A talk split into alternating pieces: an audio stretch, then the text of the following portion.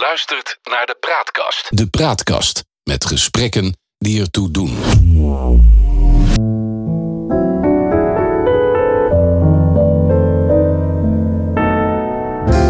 Welkom bij het Geheugenpaleis. Mijn naam is John Knerim en samen met Han van der Horst maken we deze podcast. De geschiedenis die herhaalt zich nooit, maar rijmen doet hij vaak wel. En in het Geheugenpaleis gebruiken we dat gegeven om diep in te gaan op de actualiteit. Han die legt als historicus parallellen tussen heden en verleden bloot. En zo gaan we aan de waan van de dag voorbij en bereiken we de kern van het nieuws. Scheppen we orde in de maalstroom van berichten die het zicht op de grote lijn belemmeren. We ontdekken wat werkelijk belangrijk is. En tussen beide blijkt dat de werkelijkheid vaak genoeg elke fantasie te boven gaat. Het is mijn taak om Han in toom te houden, scherp te bevragen en puntig tegen te spreken. Welkom uh, Han. Goeiedag weer. Is het voor politici een beroepsrisico om voortdurend onder schot te staan? Op die vraag gaan we proberen een antwoord te vinden in deze podcast. In het UK is na de moord op het conservatieve lagerhuislid David Ames nu een debat gaande over de vraag hoe stevig de politici beveiligd moeten worden. En in Nederland zijn sinds september zeker elf mensen opgepakt in verband met of veroordeeld wegens bedreiging van eh, premier Rutte. En al die gebeurtenissen passen binnen een trend dat het aantal geregistreerde bedreigingen tegen politici de laatste jaren is gestegen.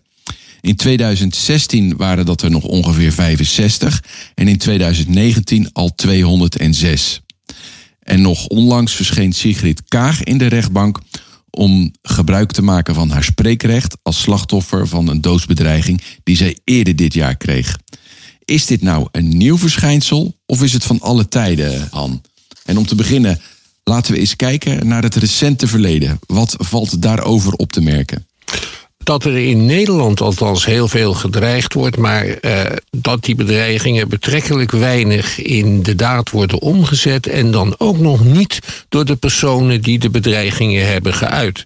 De bedreiger van Sigrid Kraag zat uh, te huilen in de rechtbank. Die had het allemaal niet zo bedoeld. Ik denk dat het aantal bedreigingen onder meer toeneemt omdat het tegenwoordig zo makkelijk is. Het is niet zo moeilijk om een uh, tweet te plaatsen met daarin een doodsbedreiging. Dat heb je binnen een halve minuut gedaan. En vroeger moest je daarover een, een brief schrijven. In de jaren 60 en 70 kregen bekende Nederlanders die de woede des volks hadden opgewekt, ook heel vaak dozen stront naar huis gestuurd en, be en bevuilde wc-papiertjes. Daar was Mies Bouwman onder meer het slachtoffer van. Dus het is wel een beetje van alle tijden. Uh, als je gaat kijken naar uh, het aantal slachtoffers van terroristische aanslagen in Nederland in uh, de 21ste eeuw, dan zijn dat er maar een paar. Uh, op voor politici twee. En dan heb je nog de, de tramschutter gehad in Utrecht enzovoorts. Maar in de jaren 70, in de tijd van de RAF en van de uh, Molukse acties, zijn er veel meer slachtoffers gevallen. Maar daar maakte men zich destijds minder druk om dan, uh, dan tegenwoordig. Ja, even de RAF, ik denk dat we dat even uit moeten leggen. De, de Rote Armee-fractie, dat waren linkse Duitse terroristen die ook wel eens in Nederland actief waren. Hier hadden ze safehouses. Precies. Maar het lijkt nu een beetje alsof je het bagatelliseert. Ik bagatelliseer het niet. Eh, ik stel vast dat de reactie van de mensen tegenwoordig op dit soort gebeurtenissen veel feller en bezorgder is dan pakweg 50 jaar geleden. En daar wil ik nog iets aan toevoegen. Ik denk dat dat winst is. Ik denk dat we als publiek volwassener zijn geworden, omdat we de bedreiging van de levensgevaarlijke eenling beter inzien dan vroeger. Ja, als we nou eens even uh, erop inzoomen. We maken elke dag mee dat iemand als Geert Wilders niet uh, vrij kan lopen over straat. Dat hij al jarenlang ernstig bedreigd wordt en uh, dat er ook speciale beveiliging voor hem is. Dat moet vreselijk voor die man zijn om zo te moeten leven. Dat kunnen we toch niet normaal noemen. Pim Fortuyn is vermoord. In, wanneer is dat geweest? In 2001 is dat geweest volgens mij. Dat is voor heel veel mensen ja, staat dat nog in het geheugen gegrift. Dat was toch vreselijk? natuurlijk was dat uh, vreselijk. En het heeft ons ervan bewust gemaakt dat dit een gevaar is dat politici eh, bedreigt als publiek. Hè. De, de moord op Fortuyn die hij, dat heeft een omslag in het denken van de meeste Nederlanders teweeggebracht. En daarna is dat nog eens dunnetjes overgedaan door Mohammed Bouyeri toen die de cineast Theo van Gogh vermoordde. Aan de andere kant zie je toch bij de politici zelf uh, dat ze misschien te onvoorzichtig zijn gezien de veranderende omstandigheden. Um, wij zijn natuurlijk een land dat er altijd trots op is geweest dat onze politici op de fiets naar het werk kwamen. Dat doet uh, Rutte heel bewust en ook om op die manier fotootjes te scoren. Maar het is eigenlijk gewoon een oude traditie. Uh, voor de Tweede Wereldoorlog uh, ging minister De Geer van Financiën vaak als laatste naar huis. Dan sloot hij het ministerie af met een sleutel uit de portiersloge. En die deed hij dan door de brievenbus. En daarna fietste hij naar huis. Colijn maakte elke dag een wandeling van zijn huis. Tegenwoordig is dat huis op de Eisenhowerlaan in eh, Den Haag. In zijn tijd had die straat natuurlijk een andere naam. Colijn was een uh, premier. Dat was de premier in de jaren dertig. Die wandelde elke dag drie kwartier heen en drie kwartier terug naar zijn huis. Er is hem ook nooit kwaad gedaan. En datzelfde geldt uh, voor de Geer, terwijl dat toch een tijd was van heel grote werkloosheid in Nederland. Ja, ik herinner me ook eh, minister Donner, minister van Justitie. En hij heeft ook nog voor mij een paar andere ministeries uh, gedaan. Die ook altijd op de fiets naar het Binnenhof kwam. En toen, vlak na de moord op Fortuin, werd aan hem gevraagd: Ja, u komt elke keer op de fiets. Dat is toch een beetje link. Bent u niet bang dat u wat aangedaan wordt? En weet je wat toen zijn reactie was? Nee, vertel. Hij zei toen: Als ik neergeschoten word of als mij iets overkomt dan komt er gewoon weer een nieuwe minister van Justitie. En daarmee relativeerde hij de zaak natuurlijk uh, enorm en gaf ook aan niet bang te zijn. Ja, en uh, dat helpt denk ik niet als je gaat kijken naar zijn veiligheid. Um, met de fiets naar de koning gaan in het kader van formaties en je dan laten filmen terwijl een deftige lakij die fiets van je overneemt, dat is natuurlijk ook een stukje Holland promotion, wat er door de politiek nu ingehouden wordt. Ja. Ik kom uh, Mark Rutte overigens uh, regelmatig tegen. Ik woon in uh, Den Haag. En nou ja, elke maand kom je hem wel een keer tegen op de fiets. Heeft hij zijn petje op. Hij is goed aanspreekbaar. Hij zwaait. en ik weet wel dat toen dat overleg op het katshuis was, na, na aanleiding van eh, corona, daar kwam hij ook altijd op de fiets. En er liepen dan wel eens op zondagochtend, dan kwam hij ook aanrijden. Maar voor hem reed altijd wel bewaking. Maar hij reed daar op, ja, op enige afstand daarachter. Maar hoe was dat in de tijd van Aad Costo. Ik herinner me dat Aad Costo, een minister van volgens mij Vreemdelingenzaken, of een staatssecretaris van Vreemdelingenzaken, er is een aanslag op zijn huis gepleegd. Volgens mij was dat in de tachtige jaren. Nee, dat was in, uh, in 1992. Toen is zijn uh, woning in Groot Schermer, een woonboerderij, vrijwel vernietigd door een bomaanslag. En die bomaanslag daarvan wordt raar beschuldigd. Dat was destijds een gewelddadige actiegroep uh, die ook Shell-vestigingen aanpakte. Uh, en die, die uh, actiegroep RARA die was nogal gefocust op strijd tegen het apartheidsregime in, in Zuid-Afrika. Maar de aanslag op Costo, eh, die werd gepleegd vanwege zijn vreemdelingenbeleid, omdat, zeiden de terroristen, die overigens officieel altijd anoniem zijn gebleven, ze hem wel eens, wel eens wilden laten zien en ervaren wat vluchtelingen nou bijvoorbeeld overkwam. Dat was de achtergrond van die aanslag. Een van de redenen waarom je je kunt afvragen of het rara was, dat is het feit dat deze actie niks met Zuid-Afrika te maken had. Nee, nou goed, het blijft dan onduidelijk wie die aanslag uh, gepleegd heeft. Maar dat was gewoon een moordaanslag die, uh, althans een poging daartoe, die, uh, die, die gepleegd. Nou, ik misschien wisten ze dat hij niet thuis was. Hè? Hij en zijn vrouw waren niet thuis. En de kat heeft het overleefd. Er zijn beroemde filmbeelden waarbij je Foto, Costo ja. ziet met de kat in zijn uh, armen. Ja. Maar ik herinner me niet dat daar zoveel opwinding over was als, als, als tegenwoordig. Nou, dat is dus het verschil met tegenwoordig. Er was ook betrekkelijk weinig opwinding over uh, het drama in Kedigem in 1986. Toen ja. vond daar een uh, conferentie plaats tussen twee extreemrechtse partijen. De Centrumpartij en de Centrumdemocraten van Hans Janmaat in Kedigem in een hotel. Uh, daar kregen linkse activisten lucht van. Die zijn met rookbommen gaan gooien naar dat hotel. Daarbij vatte een gordijn een vlam. Het hotel is afgebrand. Uh, de centrumdemocraten die konden nood ontsnappen. De vrouw van Hans Janmaat die probeerde aan aan, elkaar geknoopte lakens van de, uit de eerste verdieping naar beneden te komen. Ze is gevallen, heel ongelukkig, want haar been moest worden afgezet. Dat is het drama van Kedigem. Dat zou nu tot spoeddebatten in de Tweede Kamer leiden, tot uh, enorme Twitterstormen en grote volkswoede. Maar in die tijd uh, ja, ging men daar met een zekere gelatenheid aan voorbij. En tegenwoordig gebeurt dat niet meer. We zijn alerter geworden. We zitten meer op het vinktouw.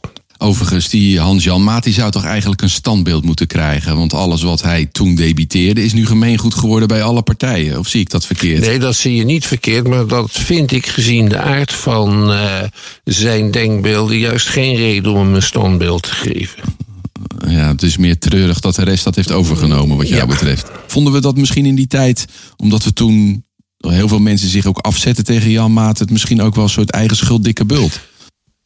Dat heeft zeker een, uh, een rol gespeeld. Maar ik denk toch dat het te maken heeft uh, met een algemene stemming in het land en een soort uh, naïviteit. Ja, dus eigenlijk door, door ja, een, toch een verandering in, in de maatschappij. De opkomst van de sociale media zou je kunnen zeggen. Dat dit soort excessen ons tegenwoordig uh, ja, meer raken. En dat we daarom er ook meer tegen.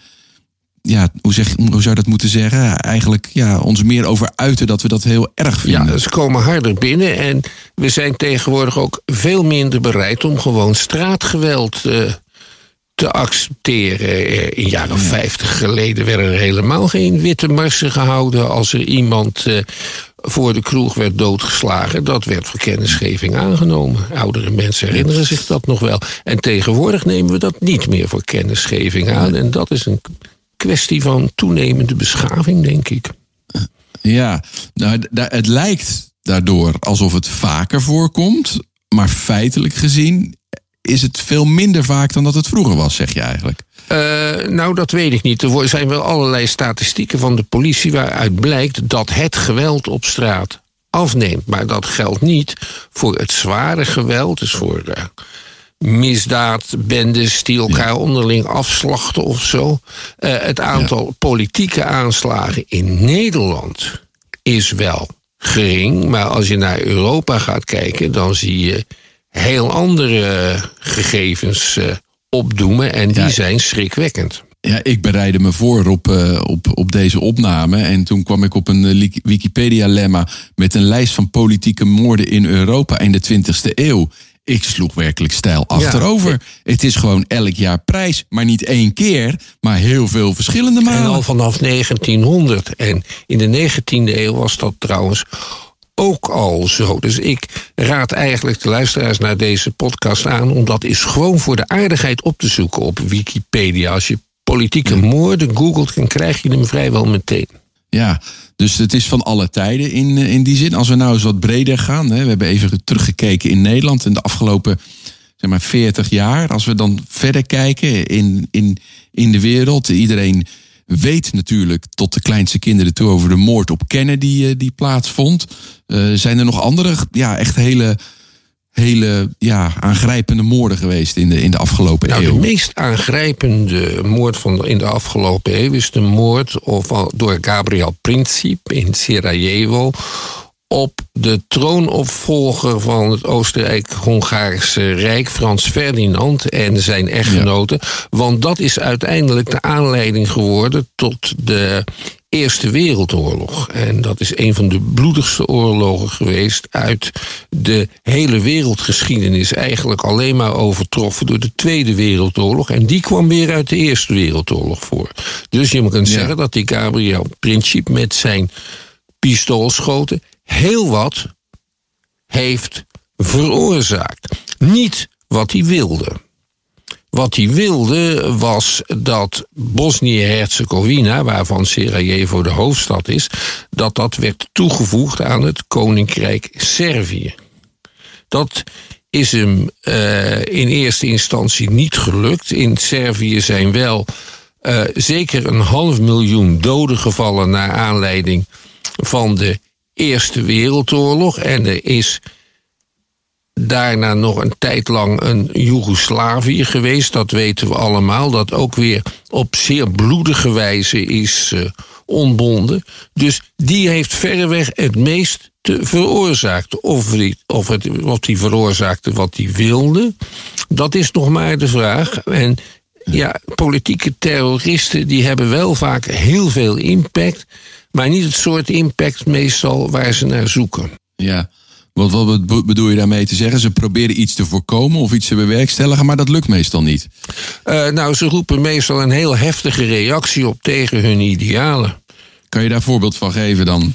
Uh, nou, ik denk dat het een heel duidelijk voorbeeld uh, is de moordenaar van Pim Fortuyn. Die deed dat ja. omdat hij bang was dat Pim Fortuyn als premier een beleid zou voeren dat het milieu niet uh, diende. Hij was een, zelf een milieuactivist en heeft het milieuactivisme een slechte naam gegeven. En de moord op Theo van Gogh door uh, Mohammed Bouyeri heeft ervoor gezorgd uh, dat het wantrouwen ten opzichte van moslims zeer is toegenomen en dat er bij een deel van de bevolking een echte levendige haat tegen Allah tot ontwikkeling is gekomen. Dat geldt trouwens ook voor heel de gevolgen van heel wat andere daden door moslimterroristen in Europa van de afgelopen twintig jaar. de, trouwens, ja. de aanvallen op de Twin Towers met die vliegtuigen voorop, dat heeft de islam en de reputatie van de islam als geheel ten zeerste geschaad. Ja. Ja, dus het helpt meestal niet. Eh, ken je nog andere voorbeelden uit, uit het verre verleden?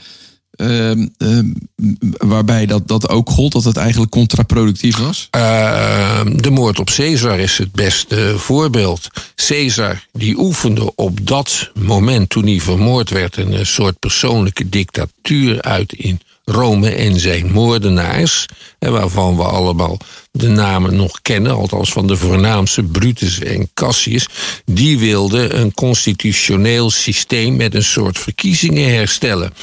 Wat ze kregen was vier eeuwen keizerrijk eh, met een dictatuur. Door die moord op Caesar is Caesar de held geworden en zij de schurken. In de, de hel van Dante zitten Brutus en Cassius samen met Judas op het diepste plekje in de hel. Ja. Dus het is niet gelukt. Nou, en dat, dat patroon zie je heel vaker. Ik weet er maar één uitzondering op. Er is eens een meneer Orsini geweest die een aanslag pleegde op Napoleon III en zijn keizerin Eugenie. Hij deed dat met iets wat ze toen een helse machine noemden. Dat was een bom. Uh, er vielen twaalf doden, maar niet de keizer. Wat was de achtergrond van die aanslag? Italië was toen de tijd verdeeld in een heleboel staatjes. Orsini wilde Italië verenigen. En Napoleon III had ooit beloofd dat hij daarbij zou helpen. En dat had hij tot dan toe niet gedaan. En hij is van die aanslag wel zo geschrokken dat hij zijn beleid ten opzichte van Italië heeft veranderd. En Frankrijk heeft inderdaad een grote rol gespeeld bij de vereniging van Italië door een oorlog te verklaren en zo. En die oorlog die heeft onder meer geleid tot oprichting van het Rode Kruis, omdat die zo bloedig was. Ja, maar dat is eigenlijk het enige voorbeeld dat waarbij een, een, een, poging tot een, tot een aanslag leiden tot verandering van politiek. Maar meestal is dat niet Nee, zo. Tenzij je het verschrikkelijk lang volhoudt. Hè? Heel veel methoden en technieken van terrorisme, bijvoorbeeld de bomaanslag. eh, die zijn uitgevonden door Ierse vrijheidsstrijders. Ierland was ooit een onderdeel van het Verenigd Koninkrijk en daar streden veel Ieren tegen. Eh, we kennen allemaal de afkorting IRA. Eh, de IRA, het Ierse Republikeinse leger. En die hebben door lang Ja. volgehouden guerrilla, waar terrorisme en politieke moorden een onderdeel van waren, toch wel een groot deel van hun politieke eisen weten te verwezenlijken. Want er is tegenwoordig een onafhankelijk Ierland. Daar hoort Noord-Ierland weliswaar niet bij, maar dat is toch wel zo'n resultaat. Ja, ik, ik herinner me dat, dat zij zelfs op enig moment een hele grote aanslag hebben gepleegd eh, bij het partijcongres van de conservatieve Engelse partij. En dat ze toen zich vergisten in de Kamer waar de toenmalige premier zat, premier Thatcher, mevrouw Thatcher. En dat hij eh, daardoor eh, het overleefd heeft. Maar dat is dus eigenlijk wel heel succesvolle terror- succesvol terrorisme Maar geweest. het omgekeerde, je had Russische terroristen, die hebben onder meer tsaar Alexander II eh, vermoord, ook weer met een bom. En die tsaar was net van plan om een grondwet te geven eh, aan Rusland. En zijn zoon en opvolger, die eh, stopte daar onmiddellijk mee en maakte van eh, Rusland weer een reactionaire dictatuur. En dat was ook steeds het gevolg van de ehm, moordaanslagen in Rusland. Want heel wat ministers en ook familieleden van de tsaar... die zijn ook ten offer gevallen aan, aan bomaanslagen. Nou is de vraag is natuurlijk, zo'n terrorist... kan zo'n terrorist een held zijn? En ja, zijn er ook goede redenen om dit soort aanslagen te plegen? En dan ga ik een naam noemen, Gerrit Kastijn. Die heeft twee politieke moorden op zijn geweten. Eentje op generaal Seifert en eentje op een zeer hoge ambtenaar, een zekere meneer Rijdon. Maar het was wel tijdens de bezetting. Generaal Seifert was nominaal de commandant van het Nederlandse Vrijwilligerslegioen. Soldaten die aan Duitse zijde vochten aan het Oostfront. En die Rijdon was een zeer belangrijke NSB'er... Eh, die eh, bezig was op het ministerie van Onderwijs gelijk te schakelen... in opdracht van de nazi's. En je hebt in ehm, Den Haag de Gerrit Kastijnweg. Kastijn is gearresteerd, kwam terecht op het Binnenhof... waar de Gestapo een martelkamer had... en dan is hij geslaagd, erin geslaagd uit het raam te springen... en hij overleefde die val niet, dat was ook de bedoeling. Hij was bang dat hij doorsloeg. Gerrit Kastijn, held. Eh, de ETA, dat is een Baskische onafhankelijkheidsbeweging... die heeft de Spaanse premier Carrero Blanco met een autobom onschadelijk gemaakt. Dat was wel de beoogde opvolger van de dictator Franco.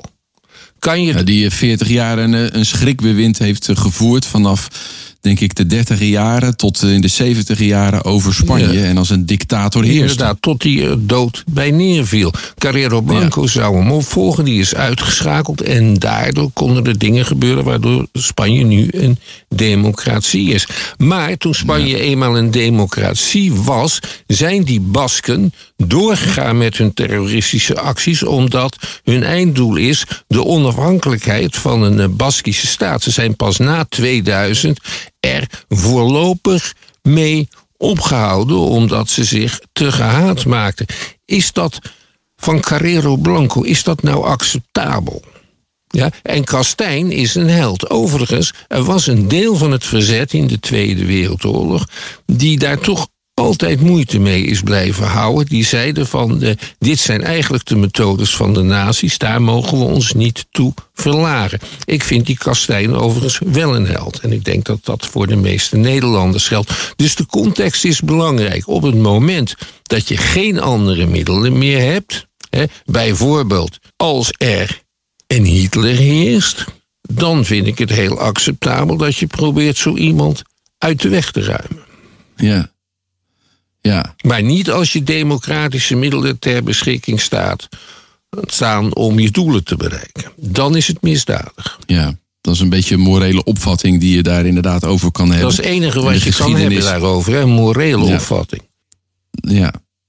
En de geschiedenis die wordt natuurlijk heel vaak uh, geschreven vanuit het perspectief van degene die de macht heeft. Uh, en, en daarmee is soms een vrijheidsstrijder een terrorist. Ja, en omgekeerd. Ja, precies. Maar kritische lezers prikken daar doorheen. Ja. En kritische luisteraars naar dit programma ook. Ja, precies. Nou heb je eigenlijk, eigenlijk twee soorten, denk ik. Echte complotten en je hebt heel veel lone wolves. Want zo'n zo'n de moordenaar van Pim Fortuyn was eigenlijk iemand die op zichzelf uh, acteerde. Ja, lone wolves zijn het gevaarlijkst. Uh, je ziet toch wel heel vaak dat samenzweringen worden ontdekt. Er zijn dan een aantal mensen bij betrokken. Er is altijd wel eentje die zijn mond voorbij praat. Het, het, het wordt gehoord. Het wordt tijdig uh, wordt het voorkomen. Dat geldt bijvoorbeeld voor een van de beroemdste aanslagen aller tijden. In Engeland in 1603 wilden katholieken het Britse parlement met koning en al opblazen. Dat heet het gunpowder plot. Ze hadden tonnetjes buskruid in de kelder van het parlement gezet. En ook dat is ontdekt. Want als je met z'n allen wat gaat organiseren, dan valt dat op. Dan laat je sporen achter. Maar een lone wolf niet. En een goede lone wolf zal ook nooit van tevoren dreigmailtjes versturen. Die doet het gewoon. Ja. En dan is het onverhoeds. Ja, ja, dus daar hebben we eigenlijk nog het meest van uh, te vrezen. Van mensen die zelf een beetje verward zijn. Als politicus heb je daarvan te, vre uh, te vrezen. Ja. Uh, het is meestal, denk ik, een mengsel van verwardheid en, uh, en fanatisme. Het valt mij altijd op dat de daders, de succesvolle daders van dit soort acties. Uh, er wat vreemde opvattingen op nahouden. Je zou je heel goed kunnen voorstellen dat een slachtoffer van bijvoorbeeld de toeslagenaffaire dat die geweld gaat gebruiken, of tegen een politicus, of tegen bijvoorbeeld de zoveelste deurwaarder. Maar dat soort mensen doen dat juist niet. Maar het zijn vreemde gasten. De eerste beroemde aanslag uit de 20e eeuw is de geslaagde aanslag op uh, koning Umberto I van Italië in 1900.